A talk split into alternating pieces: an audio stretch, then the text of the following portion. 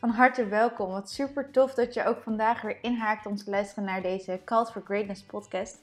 Mijn naam is Elsa Schatlee en in deze podcast neem ik je om de paar weken mee in eerlijke en ontspannen gesprekken met inspirerende gasten over God, relatie met onszelf en anderen en leven vanuit voldoening. Ik heb deze podcast opgezet omdat ik ervan overtuigd ben dat we allemaal zijn geroepen om een leven te leven vanuit wie we echt zijn. En omdat ik geloof dat God jou en mij met een specifiek doel gemaakt heeft. En dat wanneer we dat leren ontdekken en omarmen, we een leven kunnen gaan leven vanuit compassie en voldoening. En dat is iets wat ik echt iedereen gun. En het avontuur van die zoektocht, die ga ik graag samen met jou aan door deze podcast.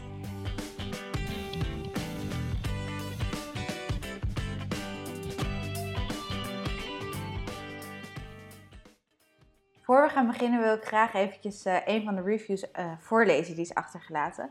Omdat ik het gewoon enorm waardeer dat jullie hier de moeite en de tijd voor nemen.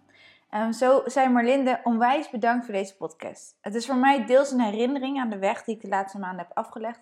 Maar ook vol eye-openers waar ik de komende tijd nog over na ga denken en mee aan de slag kan. Wat ontzettend tof om te lezen en te horen. En uh, je maakt me er heel erg blij mee dat je dit hebt achtergelaten.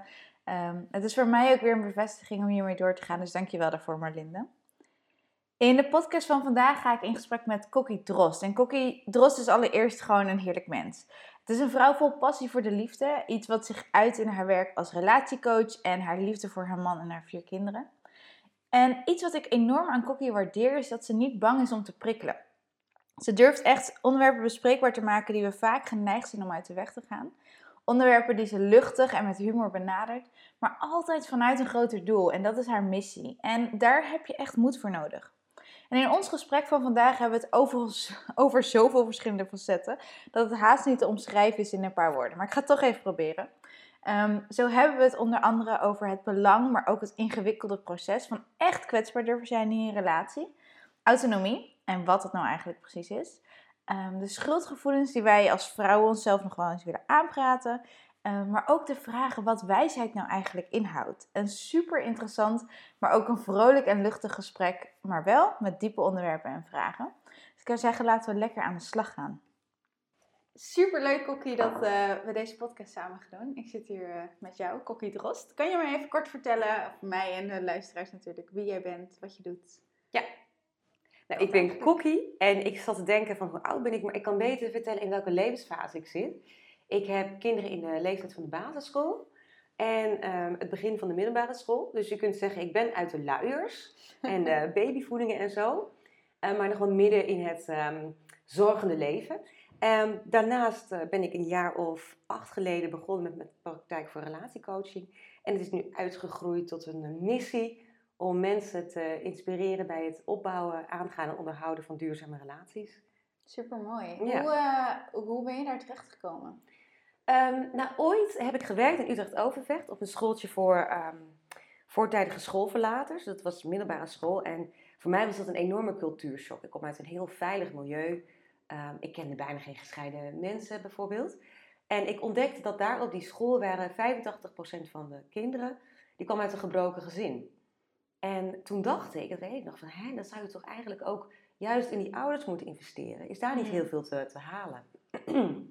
Waarmee ik niet wil zeggen dat als je getrouwd bent, dat dan dus ook een garantie is dat je kinderen niet uitvallen of zo. Maar ik dacht, er zit daar wel iets. Dus daar is het ooit begonnen. En dat is in een stroomversnelling geraakt toen ik uh, onverwacht uh, zwanger was van een tweeling. Ik ging van twee naar vier kinderen uh, binnen vier jaar. En ik weet nog dat mijn man zei: Jij moet echt iets gaan doen wat je, wat je hart heeft, waar je energie uit haalt. En toen dacht ik: Dan is het nu het moment om dit te gaan doen. Wat tof. Ja. En, want je zegt van: um, um, Ik moest echt iets gaan doen waar, waar ik blij van word, waar mijn mm -hmm. hart. Uh, hoe, hoe zat je daarvoor? Had je dat niet? Of hoe? Nee, ik deed een beetje wat er van mij verwacht werd. Hmm. En ik voelde wel een intrinsieke uh, onrust van: nou, wanneer is het een keer mijn tijd? Want ik had op zich wel prima werk, maar het was niet dat ik dacht van wow, wat kan ik hier mijn energie in kwijt. En ik ben eigenlijk al zo lang als ik mezelf ken, um, wel iemand die een beetje zo van joehoe, hier ben ik, het type is. Um, en dat type dat probeerde ik eigenlijk heel lang juist een beetje te verbergen, want dat paste eigenlijk niet in de cultuur waar ik in leefde. En um, het is juist echt door de geboorte van de tweeling, het werk dat ik ben gaan doen, En dat is natuurlijk niet van de een op de andere dag. Hè. Ik weet nog dat ik mezelf er echt een paar jaar voor gaf. Hmm. En dat is lastig, want ik ben heel ongeduldig van nature. Dus ik moest mezelf eventjes dit opleggen. Ehm, maar ik heb mezelf echt een tijd gegeven om me daarin te ontwikkelen. Ik had psychologie gestudeerd en ehm, ja, ik had niet echt de droom van, oh, ik wil ehm, mensen gaan onderzoeken en diagnostiek doen en zo. Eigenlijk totaal niet. Maar het bleek achteraf natuurlijk wel een fijne studie te zijn voor de, de relatiecoaching. Ik heb later een, ehm, ja, een, een, een vervolgopleiding gedaan, eh, specifiek over relatiecoaching. En dat was het begin. Maar ik heb Mhm. sindsdien zoveel bijgeleerd. En juist ook echt in de gesprekken met mensen, andere opleidingen. Ja, het heeft me, het heeft me gewoon echt heel veel gebracht en, en gewoon verrijkt. Ook mijn eigen relatie is, eh is beter. ja, zeker. Ja, merk Je, merkte je daar verschil in doordat je dit ging doen? Dat, dat, dat je daar ook soort inzichten in Ja, kreeg? zeker. zo? Ja. ja, weet je, ik vind het eigenlijk een voorwaarde. Want ik sta voor groepen mensen en ik hoor mijzelf af en toe dingen zeggen.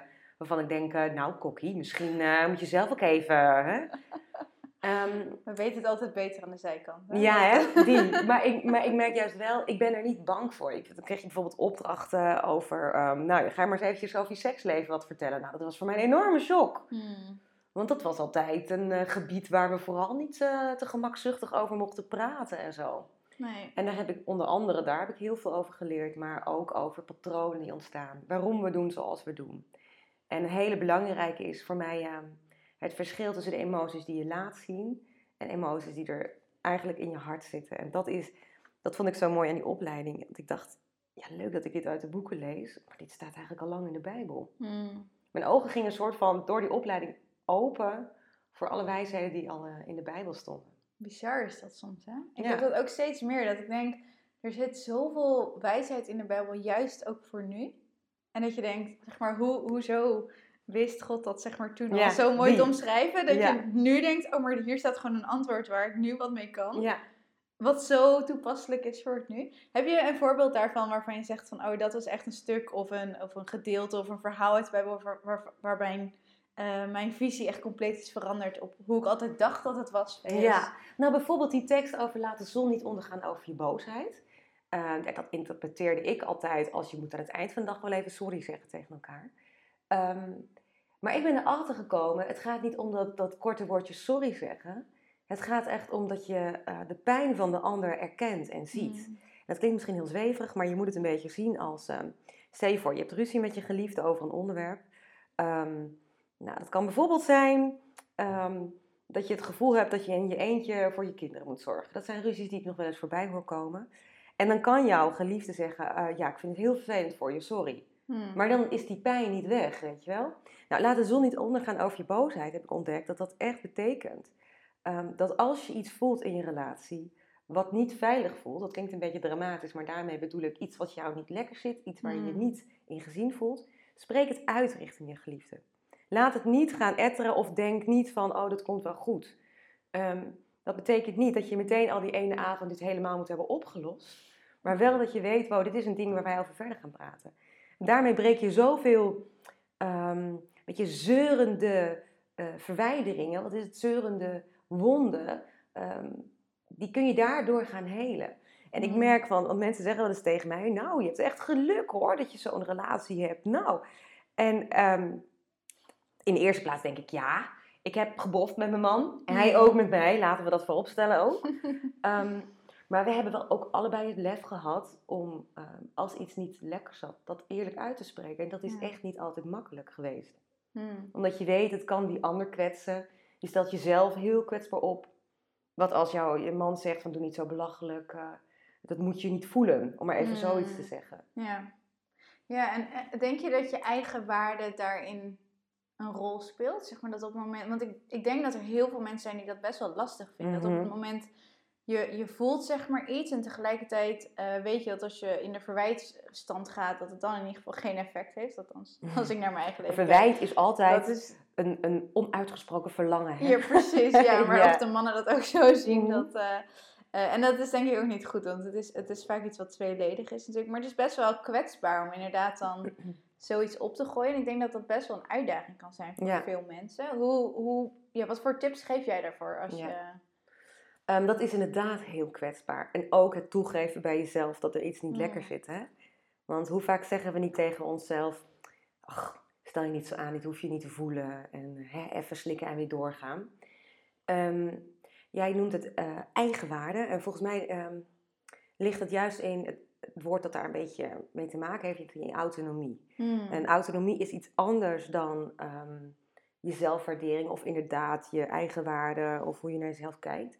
Autonomie betekent eigenlijk, het bestaat uit drie dingen. Voor de luisteraars thuis, schrijf maar even mee. Um, Pak je natuurlijk. Ja, zelfvalidering, zelfregulering en zelfreflectie. Nou, zelfvalidering, dat zit eigenlijk erin dat je naar jezelf als persoon kijkt. Eigenlijk zeg ik ben normaal. Hmm. Ook al voel ik me soms uh, minderwaardig, ook al heb ik onzekerheden, ook al heb ik nog pijnplekken over dingen waarvan ik denk, daar ben ik nou toch wel eens overheen. Hmm. dat je als kind gepest bent bijvoorbeeld en dat je je nog steeds wel eens onzeker kunt voelen. Of dat je ooit van je oma, ik zeg maar iets, een sneer hebt gekregen over, oh je wordt wel dik. Ik noem maar een Hmm. zus. Oh, dat, Dat je kan daar- zoveel impact maken. En dat je daar twintig jaar Ja. later nog, weet je, dat, en ehm, ik hoor zoveel mensen dan zeggen van, ja joh, hè, maar dat, eh, dat is in het verleden en ik leef in het nu. Hmm. Maar zelfvalidering heeft ermee te maken dat je accepteert dat dingen je dwars kunnen zitten. Dat je niet overal goed in bent. En zelfvalidering betekent ook dat je dus niet streeft van een 8, maar ik wil een 9 worden. Maar dat je zegt, ik ben een 10. Maar dat ben jij ook. Ja. En dat zijn alle mensen om me heen ook. En dat onthoud je er dan weer niet van. Ehm, dat je niet moet zoeken naar het wijze of het goede, zeker wel. Maar de eerste stap van autonomie is het accepteren van jou helemaal. Van jou Mhm. compleet te zijn. Heb jij dat altijd gehad? Nee joh, ik heb het nog Ben steeds niet altijd. hoe, eh, hoe, hoe, hoe ben je daar zeg maar in gegroeid? Nou, dat heeft echt voor een heel groot deel te maken met mijn, eh, met mijn grote liefde. Mijn man die ehm, mij zeg maar die onvoorwaardelijke liefde heeft gegeven. Zelfs als ik echt dacht, man, ik was al gillend bij mezelf weggerend.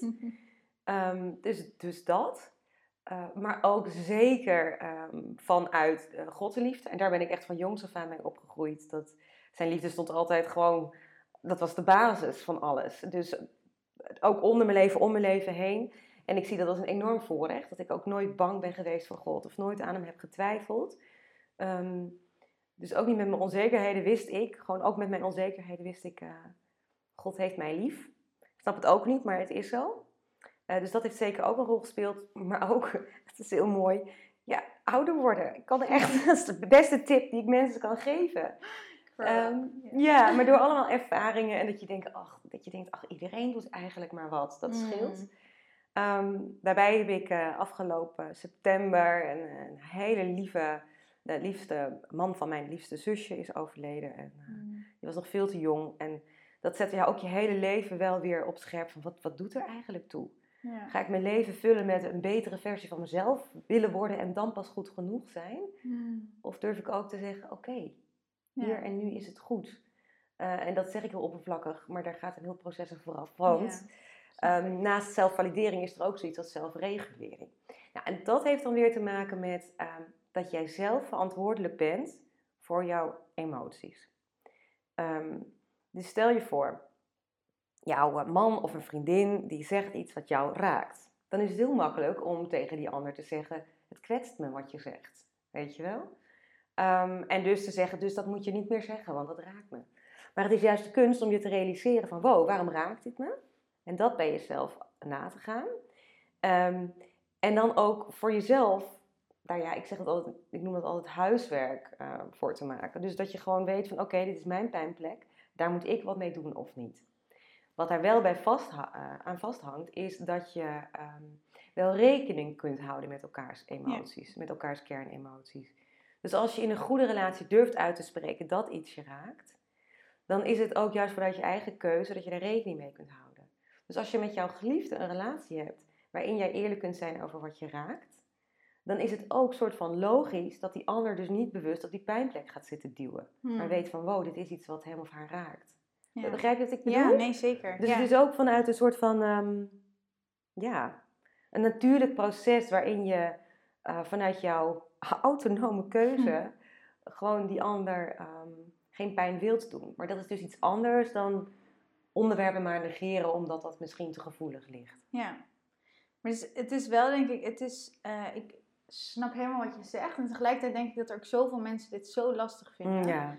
Dat het, het is zo'n... ehm, het, voelt denk ik voor sommige mensen alsof er zo'n zo'n beer op de weg staat, weet je wel? Die dan zo staat aan te schreeuwen van oké, hier moet je eigenlijk niet verder gaan. Terwijl het verder gaan juist zo belangrijk is en dat je terugkijkt en denkt, oh, dit viel echt heel erg Heb mee, jij daar een voorbeeld maar. van in jouw leven? Ehm, nou, ik, ik merk wel, zeg maar, dat al, ik ben, ehm, mijn man en ik zijn, zijn heel erg gelijkwaardig. We, we vullen elkaar heel erg goed aan en dat is, dat is heel erg tof. En toch merk ik dat ik wel altijd ehm, het spannend vind om iets te bespreken wat hem mogelijk zou kunnen kwetsen. Oh ja. Ehm, dat ik er altijd echt eventjes bij mezelf ergens doorheen moet. Ehm, omdat dat ook heel erg terugkomt uit, uit mijn verleden en mijn opvoeding en, en de dingen die we hebben meegemaakt. Dus dat, dat, je, dat je daar dan altijd wel even een soort van doorheen moet om te denken: oké, maar dit is wel relevant voor onze relatie. En uiteindelijk is het zoveel beter om het wel te doen. Maar die angst soms in de ogen kijken, dat, dat vraagt zoveel doorzettingsvermogen. Want het is soms zoveel makkelijker om het maar gewoon even te laten en, en het te laten sluimeren. En dan meestal komt het er later alsnog uit. Dus het is niet heel erg eff- effectief meestal. Nou ja, je, je, Maar, je ja. hoort wel iets moois aan, hè? Van iets bespreken wat er mogelijk zou kunnen kwetsen, zei je. Ehm, maar ik- de relatie met jouw man is blijkbaar zo veilig dat je dat risico durft te nemen. Mm, Ja, Ook al kost het je best wat energie. Ehm, maar mensen die gebruiken dit ook wel eens als reden. Ja, maar ik moet alles kunnen zeggen. Want ik wil Mm. eerlijk zijn. Hè? En ehm, daar mag je echt wel genuanceerd in zijn. Ik hoorde laatst het verhaal van een, ehm, de ene vriendin die had tegen de ander gezegd... Ja, ik ben direct, dus ik ga nou even vertellen dat ik dit en dit en dit en dit eigenlijk van je vind. En oh ja, mijn moeder vond dat ook. En mijn man zei ook, oh nou inderdaad. Mm, Weet je, dat vind ik dan zo totaal voorbij gaan aan de waarde van die ander. En zo overschatten van die relatie. Want het gaat niet vanuit een gelijkwaardigheid, vanuit het goede voor die ander voor ogen Nee, hebben. die staat er echt boven. Ja, en ook Ja. van ehm, het zit mij dwars en ehm, daar moet jij wat aan gaan doen. Ja. En dat is juist dus niet autonoom, want in, in, eh, bij autonomie ehm, breng je het juist zo. En, en dan is het ook vanzelfsprekend dat je het zo brengt. Van, wow, wacht even, het zit mij, het is iets van mij. Ja. En ik wil het met jou delen om samen te zoeken van, hey, hoe kunnen we hier een weg in vinden of hiermee omgaan. Ja. Het is ook zoveel, zeg maar, het klinkt misschien gek, maar het is zoveel makkelijker als je het natuurlijk lekker bij de ander neer kan leggen. En vooral niet kan kijken naar wat zit er eigenlijk bij mij, waarom ik Mhm. hierop reageer. Ja, Ehm, terwijl ik eigenlijk denk dat, dat in principe alles waar wij moeite mee hebben of waar wij wat mee voelen, of, dat, dat, dat zit allemaal bij ons. Dat heeft niks te maken met die ander. ja. En natuurlijk, die ander ehm, eh, heeft misschien dingen die jou triggeren, maar dat triggert jou. En dat heeft niks te maken met of die persoon wel of niet goed is. Maar alles met wat gebeurt er bij mij en waarom reageer ik hierop. Waarom en, ben ik een beetje onzeker bij die persoon? ja, wat, ja. wat voor, wat voor, waar, wat haalt hier, wat komt er bij mij naar boven waardoor dit gebeurt. Ja. Maar dat proces aandurven gaan, dat is best wel, eh, best wel een ding, denk ik, voor heel veel mensen. Nou ja, in ieder geval ook voor mij. Ehm, waar ik echt wel doorheen heb moeten gaan. En dat je, dat je constant daarin ook eerlijk naar jezelf durft te kijken. Weet je? Ik weet niet hoe jij dat hebt ervaren, maar dat is best wel een proces om je, jezelf eerlijk in de ogen te durven kijken van... hé, hey, ik, ik, ik, hier gebeurt iets bij mij, maar dat ligt dus aan mij. En wat is er dan bij mij aan de hand? Of wat is er dan bij mij waardoor ik hierop reageer? Ja, nou dat is dus het derde oordeel van de autonomie. Ja. Wat een mooi sprongetje, jongens. Heel mooi. En dat eh, heet zelfreflectie. Dat je die vragen dus durft te stellen aan jezelf. Ja. Maar dat vraagt om momenten eh, met jezelf. Mhm. De rust, de stilte om dat soort vragen te stellen.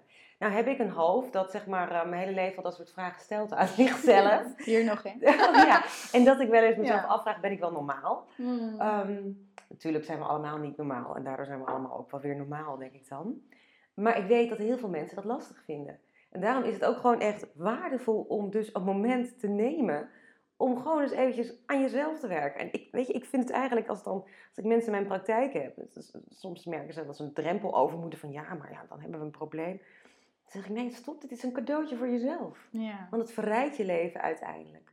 Daarbij dacht ik ook, ehm, toen jij net aan het praten was.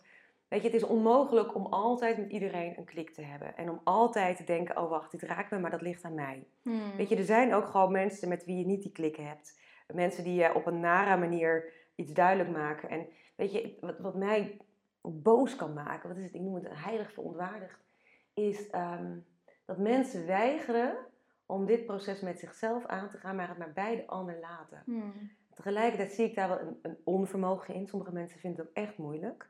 Ehm, en sommige mensen moeten gewoon juist nog dieper die drempel over. Ik heb wel eens een man in mijn praktijk gehad waarvan ik dacht, ja, dit is narcistisch. Hmm. Weet je, elke keer als ik hem dan weer iets vroeg over wat richting zelfreflectie ging, draaide hij het weer zo dat het toch aan zijn vrouw lag. Hmm. En dat werd gewoon vermoeiend. Tot op een gegeven moment ehm, bleek dat deze man uit een gezin kwam waar echt geen ruimte was voor fouten. 0,0. Hmm. En het enige mechanisme dat hij had geleerd om daar eh, mee om te kunnen gaan was als er mogelijk iets aan hem zou kunnen liggen, het zo te draaien dat het direct aan de ander lag. Hmm.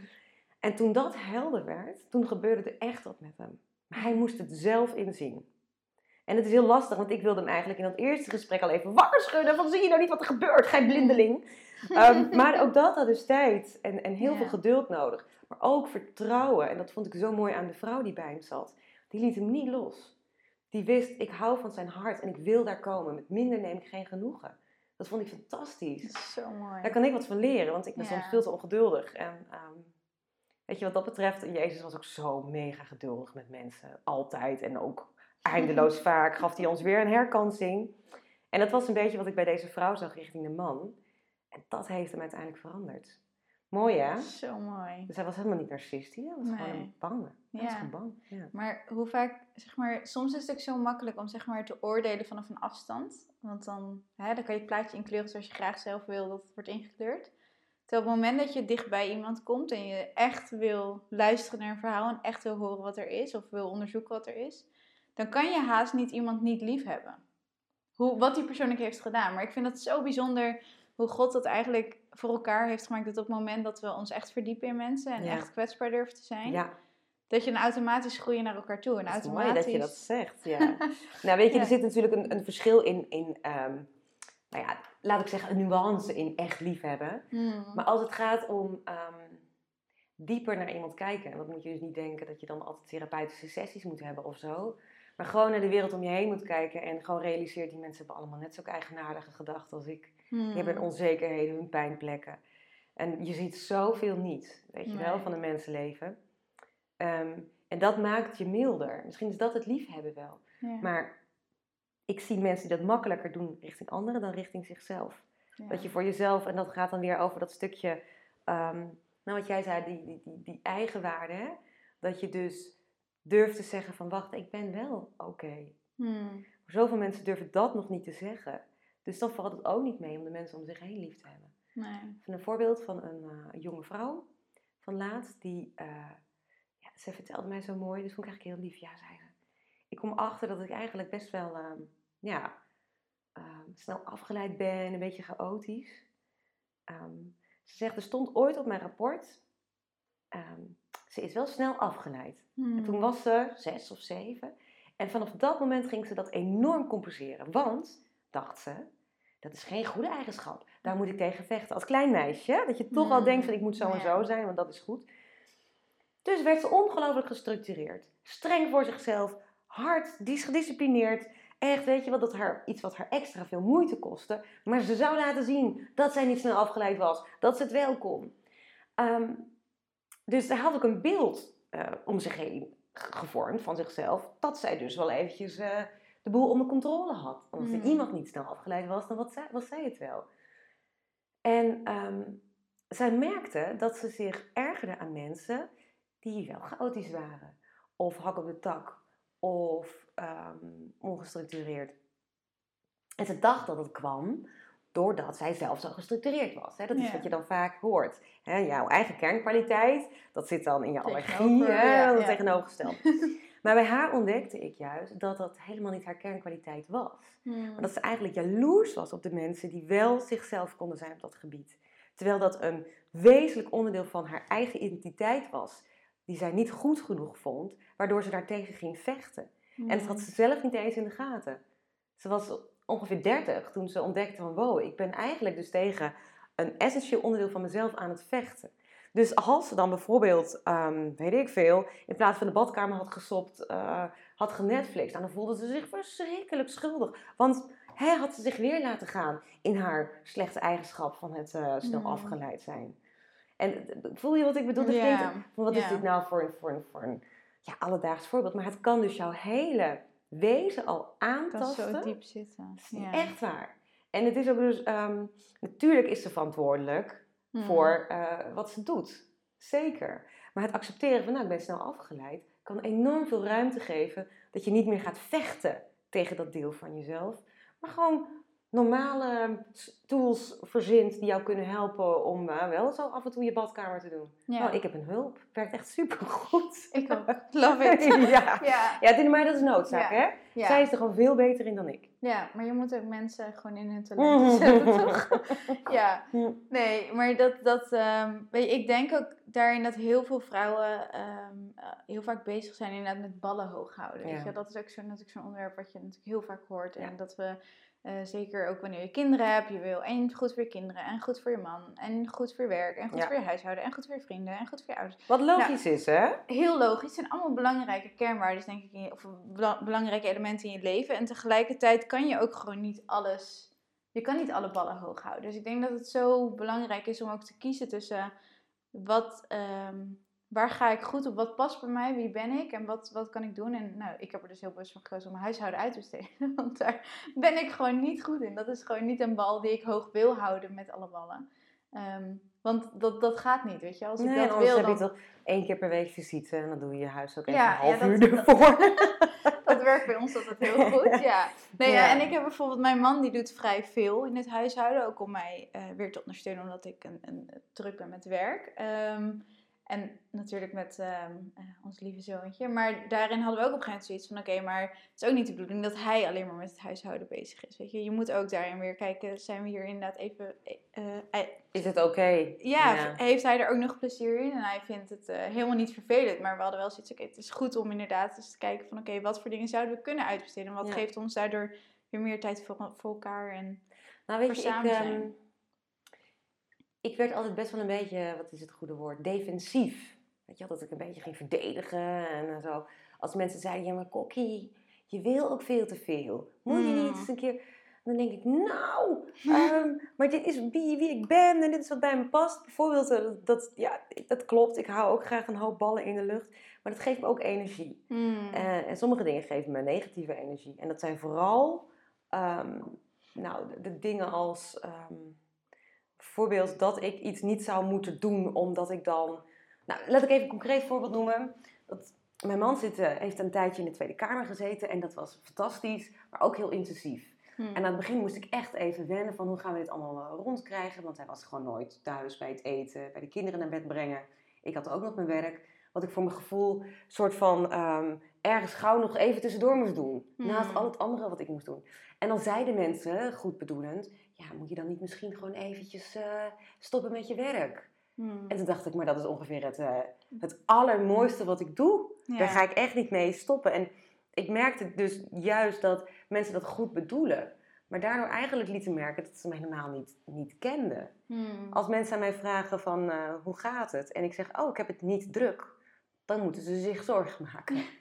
weet je wel? Ja. Het zijn ook juist, weet je, dat, dat ballen hoog houden, dat klopt. Maar laten we ons eens even toestemming geven dat we dat doen. Ja. Dat geeft helemaal niets. Ehm, als je daarnaast dus ook maar de bal hoog houdt, dat je gewoon lekker mag lanterfanten en af en toe niets hoeft te doen, omdat je dat gewoon nodig hebt als Hmm. mens. Ja. ja, tof inzicht. Ik denk wel, ehm, het is ook denk ik hoe je ballen hoog houden, denk ik, voor jezelf Mhm.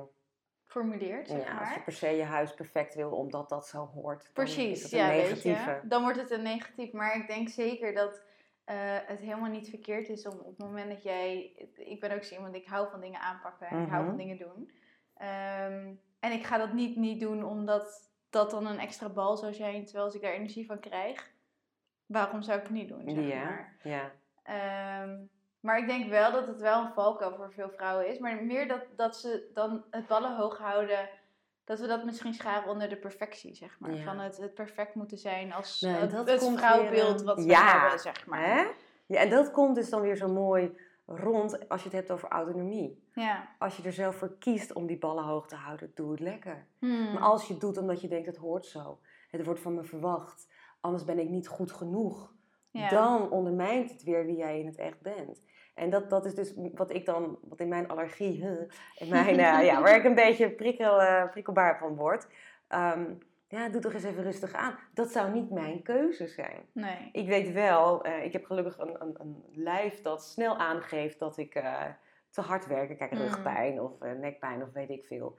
En dan weet ik, oké, ik moet even echt wat gas terugnemen. Ja. En daar luister ik dan ook wel naar. En soms denk ik, oké, ik moet deze week even keihard bikkelen. Maar dan heb ik die week erop twee dagen gewoon even dat ik land ervan, Ja. weet je wel. Het komt dan ook wel dat ik weinig structuur heb in mijn hoofd. Maar Ja. dit, is, dit is ook een structuur. Ja.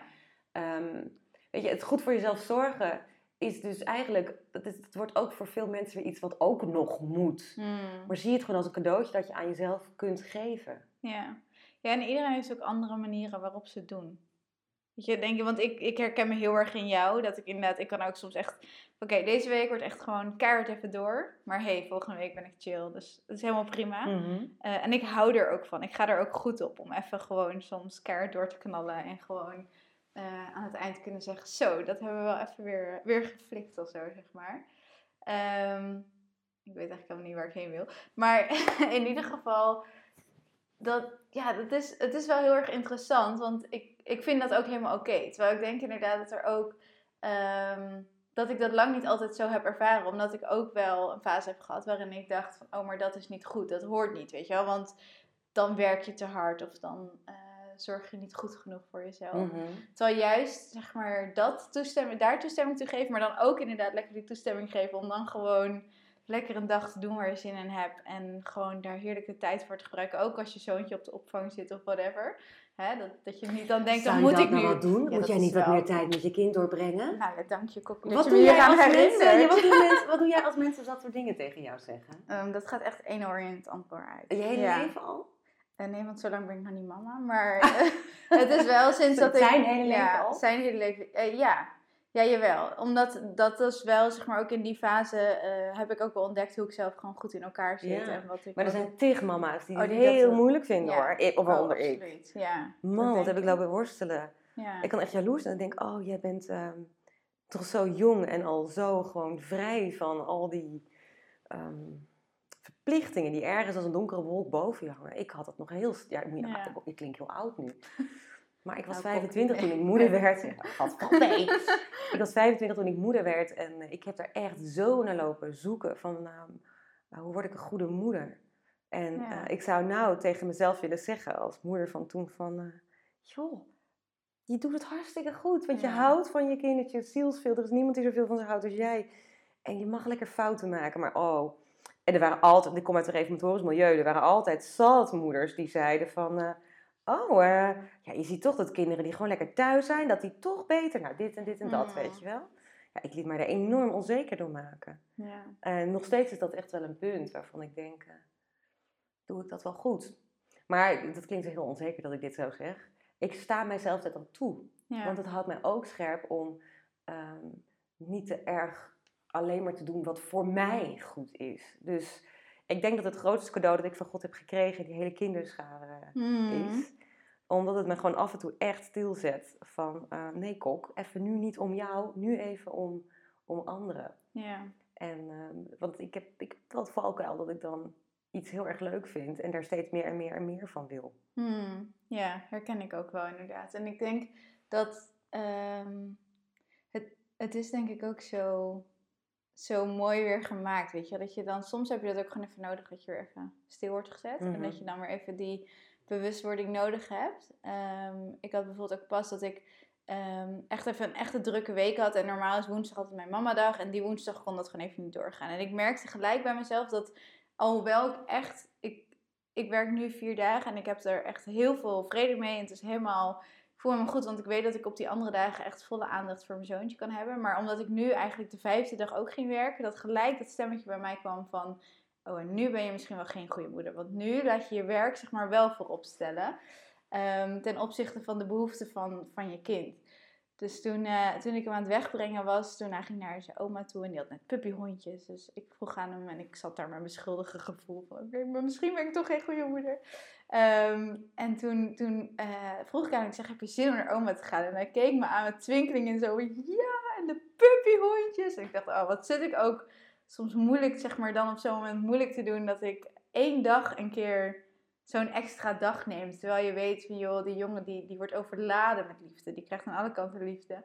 Um, En juist omdat ik er altijd wel ten volle kan zijn op het moment dat ik bij hem ben, Mhm. ehm, voel ik ook die rust dat ik dan ook op het moment dat ik aan mijn werk ben, dat ik daar ook vol passie voor mag gaan. Weet je wel? Omdat ehm, ik heb er niks aan als ik tijdens mijn werk me zorgen ga maken of mijn zoontje het wel gezellig heeft. Mhm. En op het moment dat ik dan met mijn zoontje ben, me ga druk maken, ook krijg ik mijn werk niet af bijvoorbeeld.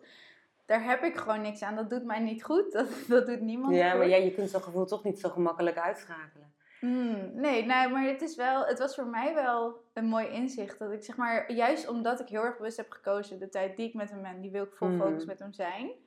ehm, dat ik daardoor ook veel bewuster van mijn werk kon genieten, zeg maar, zonder me daarbij schuldig te voelen over Mooi. mijn zoontje. Ja, nou, dat schuldgevoel hebben vrouwen zo. Zo'n ding. in. Nou, ik, ik zie dat nu dus met mijn man in de Tweede Kamer zit. Die ehm, eh, neemt eh, even waar voor eh, iemand die met zwangerschapsverlof is.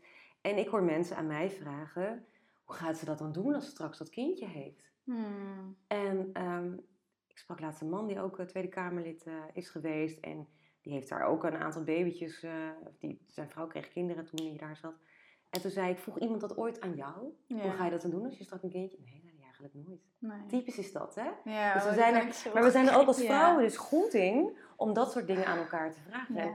Het zou zoveel mooier worden, wereldvrede.nl, als, eh, als we elkaar daarin ook in onze waarde laten. Want ik merk Ja. dus ook dat, dat bijvoorbeeld, ik kreeg dan die vraag, oh, vind je dat wel leuk werken? Dat dat misschien voortkwam, even terugdenkend, Hmm. vanuit hun eigen, wat is het, jaloezie misschien wel. Ja. Ze gaven zichzelf niet de toestemming om te werken. Nee. En, ik, en, en dus dan, dan ja, het klinkt misschien een beetje omslachtig. Ik hoop dat de luisteraars dit nog wel volgen. Maar dat je dus, eigenlijk voel je jezelf een beetje schuldig. Dat je, of schuldig, eh, een beetje jaloers misschien op, op vrouwen die zichzelf gewoon wel toe-eigenen. Hè? Wat ik Mm. volledig normaal vind, eh, om te gaan werken. En dat je dus dat soort vragen gaat stellen aan een ander. Ja. Weet je, dat is, eh, en ik merk dat door jezelf toestemming te geven, om dit soort keuzes te maken, doe je dat onbewust ook bij de mensen om je heen. Ja.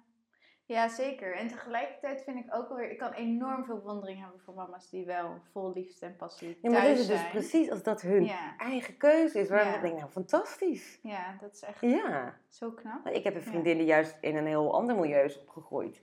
En die op een dag koos, ik blijf lekker thuis bij mijn kinderen. En die kreeg het andersom. ja, zou je niet gaan werken? ja, ja. geeft dit je nou voldoening? Ja. Weet je wel? En dat was natuurlijk dan even van andersom jaloezie. Ja. Dus het is, maar daar, hier zijn vrouwen goed in, hè? ja. Dat wij onze eigen ehm, opgelegde van zo moeten we zijn patronen, Hmm. maar onbewust ook bij die ander oplegden. Leggen. Ja. Zoals bij die gestructureerde vrouw tussen aanhalingstekens, die dan ook dingen zei als van ja, ja maar zij moet echt leren om eh, wat meer structuur te bieden hoor. Ze is zo chaotisch. Weet je wel, dus dan, dan voel je van je hebt jezelf iets opgelegd wat goed is volgens jou. Hmm. En dat vind je dus ook dat de rest dat moet doen. Ja. Wat zou jij doen als je volledig vrij was ja. hierin? Zo mooi. Hoe, heb jij een tip voor de vrouwen die luisteren hoe ze daarachter kunnen komen? Hoe ze nou volledig vrij kunnen zijn? Dat is zo'n proces. Oh, dat is, ja, maar dat is het ook. Maar misschien heb je wat kleine handvatten die je Kleine een stapje verder, verder Ja, kunnen helpen. Hoe kan jij helpen? Nou, ik denk dat het, dat het sowieso, weet je, luisteren aan dit verhaal vind ik al fantastisch. Want je geeft jezelf de tijd om over jezelf na te denken. Hmm. Dus dat is, er gebeurt wat in je hoofd als je hier naar luistert. Misschien herken je dingen, misschien juist van de andere kant. Ehm, en blijf dat doen, zou ik zeggen. Denk niet van, oh, ik ben op een gegeven moment af. Nee, je blijft in progress. En dat is alleen maar leuk, weet je Hmm. wel? Ik kan met bewondering kijken naar oude mensen die een soort van levensvreugde uitstralen en zeggen, joh, hoe ouder ik word, hoe meer ik ontdek dat ik eigenlijk niks weet. Dat vind ik wijsheid, zeg Dat is maar. fantastisch. Ja, hè? Ja. Dus ehm, eh, als je hier naar luistert en denkt van, nou, hoe kan ik dat dan doen, meer mezelf worden, ga er maar gewoon vanuit dat je het nooit helemaal bereikt en dat dat prima is. Dus dat mag Mm. even een heerlijke rust zijn. Ehm, het tweede is, eh, spot af en toe met jezelf. Eh, lach om jezelf, neem jezelf zeker niet te serieus. Jij doet maar wat, de mensen om je heen doen maar wat. En een derde, en dat is een hele mooie tip die ik eh, steeds meer ontdek, is door jezelf toestemming te geven. Om bijvoorbeeld, ik noem maar iets. ehm, ik ben dus iemand die graag in het middelpunt staat.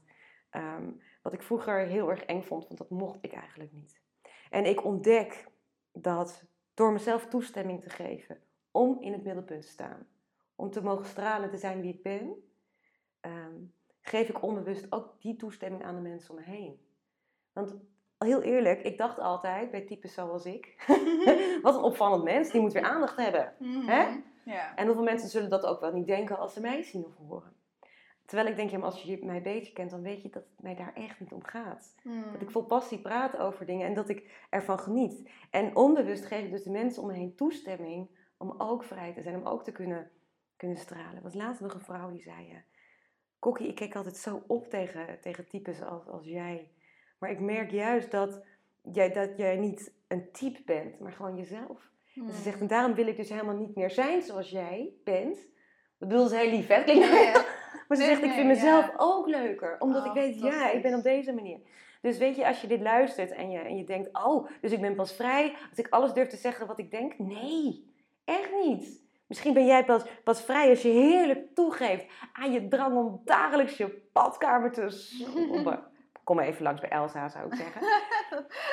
Daar heb ik nog wel een uh, badkamertje ja, voor precies. vrij. Ja. Nee, nee, maar weet je, dat is Ja. dus, het is zo, zo persoonlijk. Er is geen norm.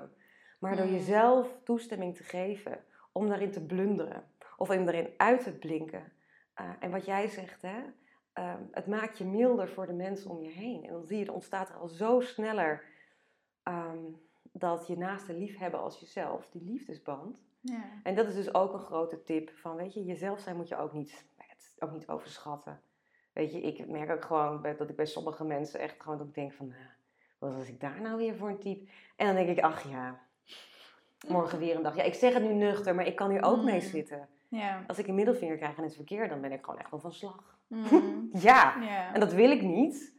Maar goed, Ja, het is een persoonlijke aanval. ja. Ja. zoiets. Ik weet het ook niet. Nee. Blijft zoeken en ploeteren, ja. Maar dat is ook, ik vind dat ook gewoon fantastisch. Dat je gewoon, je kan blijven ontwikkelen. Je kan blijven groeien. Je bent er inderdaad niet. En hoe heerlijk is het als je dat gewoon toe kan geven. Ja, hè? Ik ben er gewoon nog niet, maar hoe cares? Ja, maar dat nog, laat maar weg. Ja, überhaupt kom ik er niet. Maar, Ja, ik, maar ik dan- groei elke dag. Ja, en ik denk ook, weet je, ik heb me ooit voorgenomen, toen was ik een meisje van 16 of 17. En eh, van wat wil ik laten worden? Ik wil een wijze vrouw worden. Mm. Dat kwam ook dat ik ergens ooit iets opving dat Salomo heeft gezegd. Ik kwam onder de duizenden maar enkele wijzen tegen en onder hen geen vrouwen. Toen dacht ik, aha, Dit is een daar gaan we wat aan doen. Ik wil naar wijsheid streven. Maar wijsheid is iets totaal anders dan intelligentie Hmm. of, of eh, heel veel weten. Wijsheid zit juist in ehm, het, het nederige. En dan niet nederig van ik ben minder dan een ander. Maar jezelf realiseren van ik doe ook maar wat. Hmm. En dat mag. Eh, en wijsheid is ook het zoeken naar het goede. En ik hoor wel eens van, van, van mensen die dan ehm, dat interpreteren als eh, niet zondigen. En constant vechten tegen de zonde. En ik denk, wat een zonde van je tijd. Ja. Dat je alleen maar bezig bent met niet proberen te zo- zondigen. Draai het eens om en, en zoek het op als echt zoeken van wat is vandaag het goede om te doen. Hmm. En je dan dus ook af durven vragen, waar heb ik niet het goede gezocht? En dat betekent niet dat je meteen een slecht mens bent. Maar het maakt wel, ehm, ja, ik noem God een deken van genade. Omdat ik elke dag weer een nieuwe kans krijg om te zoeken naar het goede en naar het wijze. En dat is juist ook als ik onderuit ben gegaan, heel dramatisch of misschien dat ik het niet eens heb opgemerkt. Maar ik krijg elke keer nieuwe kansen. ja. Mooi hè? Ik zie ook heel mooi naar mij kijken. Ja, ja. Maar dat, dat is wel echt super mooi. ja, maar dat maakt dus de liefde van God voor mij ook. ehm, ja, wat is het? Weet je, dat die basis er ligt, zorgt dus ook ervoor dat ik durf te blunderen. Hmm. Ehm, dan maak ik toch weer even een mooi bruggetje mee naar het huwelijk. Weet je, we kunnen niet de liefde zoals God die heeft, dat, daar kunnen we niet bij. Simpelweg omdat het ons ontbreekt aan ehm, de mogelijkheid om in iemands ziel te kijken. We kunnen alleen maar communiceren op onze Ja. menselijke manier. Maar volgens mij is een van de belangrijkste basis voor een hechte relatie is dat diezelfde genadige liefde. Dus dat je naar het geheel kijkt van die persoon en dat je weet van, ehm, ik hou niet alleen van die persoon als die op zijn best is, maar gewoon ook van de, van de ziel. En daar zit ruimte om te blunderen en te groeien en eh, enorm veel liefde hebben. Oh, het is zo mooi, de liefde. Ja, ja. het is zo magisch, zo Nou ja, weet je, en soms kijk ik naar mijn kinderen en dan kan ik ze wel, maar eh, Tuurlijk, maar dat hoort er toch ook bij. Ik bedoel, het zou ook niet magisch zijn als het alleen maar goed gaat. Juist de, de diversiteit van de liefde, zeg maar. Dat je momenten hebt dat je denkt, dat kan je echt achter op de hand Ja. plakken. ja. En juist ook, zeg maar, ik vind dat het zo mooi. Een, een bloem die zou niet bloeien als er geen regen zou zijn, weet je wel. Het zou lang niet zo mooi stralen als zou het alleen maar dikke zon op zich hebben, afhankelijk van de zonnebloem natuurlijk, maar over het algemeen. Ehm, je, je hebt gewoon ook die momenten nodig om juist zo, de liefde zoveel intenser te kunnen beleven. En om elkaar daarin nog meer te vinden. Nou, ik denk ook wel, hè, we hadden het net over kinderen. Weet je, er zijn gewoon echt, iedereen heeft een eigen verhaal. Dat is, dat is trouwens ook een leuke van meer jezelf worden. Mm. Ehm, ga eens na uh, uit wat voor gezin je komt. Mhm. Ik laat stellen altijd hun keukentafels tekenen. Van wie zat waar, hoe was de sfeer. Ehm, wat voor woord, kernwoord zou je bij je broers en zussen of bij jezelf zetten. Ehm, en dat kan heel verhelderend zijn, want dan begrijp je ook meer waarom je bent wie je bent. Weet je wel? Hmm. En soms zijn het hele liefdevolle, leuke verhalen, maar in elk verhaal zit wel pijn. Ook al kom je uit een meest perfect, liefdevol gezin. Ehm, wat ik zelf zie uit het gezin waar ik in kom, weet je, dat was dat altijd wel, ja, ik zou niet zeggen dat we allemaal ADHD uh, hadden, maar het, het was wel temperamentvol, laat ik het zo zeggen. En um, ik dacht vroeger van, oh, wat is het hier verschrikkelijk, want ik had zo'n perfect beeld. Maar terugdenkend, uh, en dat merk ik nu ook, ben ik bevoorrecht nog steeds dat mijn ouders ons lief hebben, wat we ook voor keuzes maken. Hmm. En ehm, dat betekent niet dat ze ons aanmoedigen om vooral maar domme keuzes te maken of zo. Natuurlijk, je wilt je kind behoeden voor verkeerde keuzes. Maar wat je ook enorm kan vormen, is dat je gewoon weet, en dat begint denk ik echt wel in de hechting tussen ouder en kind, dat je geliefd wordt, ook al maak je fouten. Dus als je als moeder dit luistert en um, je kunt bijvoorbeeld heel erg geneigd zijn dat als je kind iets fouts wil doen, meteen boos te reageren of zo. Hè? Mm. Ehm, maar dat je dan ook een beetje van, dat geeft niet. Ja, weet je wel? Ach ja, je kunt een glas omgooien, dat geeft niet. Ja, en dat, mm. het kan toch gevaarlijk zijn. Maar dat je dus ook je kinderen daarin de ruimte geeft. En um, ook nog als zij dus keuzes maken als ze ouder worden. En ik, ik, mijn kinderen zijn nog jong, ik kan ze nog best wel vormen, zeg maar. Maar ja, bijvoorbeeld een stom voorbeeld. Mijn dochter van 12 wil wel eens kleren aan waarvan ik denk, hmm. ben ik het daarmee eens? ja, ik weet niet wat ik hiervan vind. Ja. En dat ik echt merk, oké, wacht, ja, doe maar. Natuurlijk geef ik wat tips op mijn manier, maar aan de andere kant denk ik, ja. Ja. En dat zijn kleine dingen, maar dat vormt wel zo'n belangrijke basis voor die kinderen dat ze weten van oké, ik mag zelf keuzes maken en fouten maken. Misschien dat ze over twintig jaar een foto zien. Man, had je niet even kunnen waarschuwen? Moet ik mezelf nou echt zo terugzien? Bedankt. ja. ja, maar dat, en dat is denk ik zo'n uh, zo'n rijkdom als je kinderen dat kan geven. Dat vind ik echt... Uh, dat, is en ik denk dat het daarin dus een voorwaarde is, echt waar, je zelf geliefd wordt. En als je dit mm. verhaal nou hoort en je hebt die ouderliefde gemist, want dat gebeurt veel Ehm, dan kan ik je wel zeggen, en dat is heel mooi, dat, uh, ja, dat heet dan een um, onveilige hechting. Mm Dat kan zich uiten in onzekerheid of uh, negatieve eigenwaarde, of lage eigenwaarde, negatief zelfbeeld. Er is herstel mogelijk.